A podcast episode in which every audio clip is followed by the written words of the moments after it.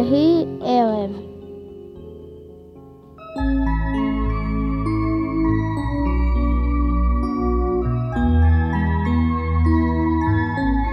בשמי ערב כחולים, בשמי ערב צלולים, שט ירח עגול ובהיר.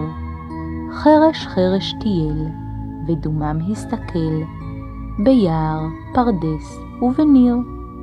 ולמטה למטה, בין כרם וגן, ראה בית יפה וקטן.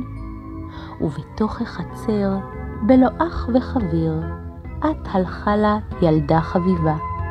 והלכו לתומם אפרוחים ועמם, וניקרו וצייצו בחדווה. שמחה הילדה, אפרוחים בני כנף, נשחק, נשחק נא יחדיו. שמעה תרנגולת יפת הקרבולת את כל הילדה בדברה.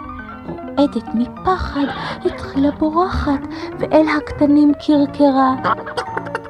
שובו בניי אל הלול, חיש מהר, סכנה להיות בחצר. אך הגיעו ללול, ונשכח הטיול, ושלום לקטני משפחה. התיישבו להם יחד, בסדר ונחת ושקט, וליל מנוחה. אך מי זאת? אך מי זאת פתאום האורחת? בלילה קנדלת פותחת.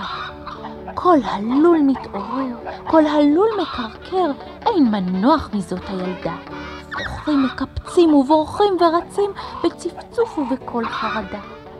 וטסות באוויר קרבולות וכנפיים, והרעש עד לב השמיים.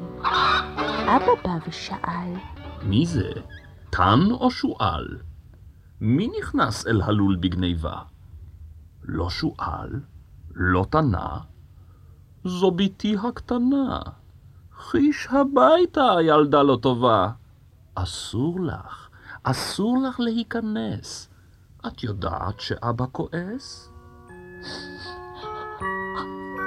רציתי לתרנגולת לתת נשיקה בקרבולת, כי הפעלתי אותה בחצר, להגיד לה סליחה וגם ליל מנוחה, ופתאום נבהלו עוד יותר.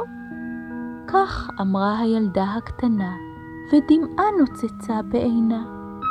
אז אבא הרים בחיבוק רחמים את בתו הטובה הטובה. בשמי לילה כחולים, בשמי לילה צלולים, הירח חייך בחדווה.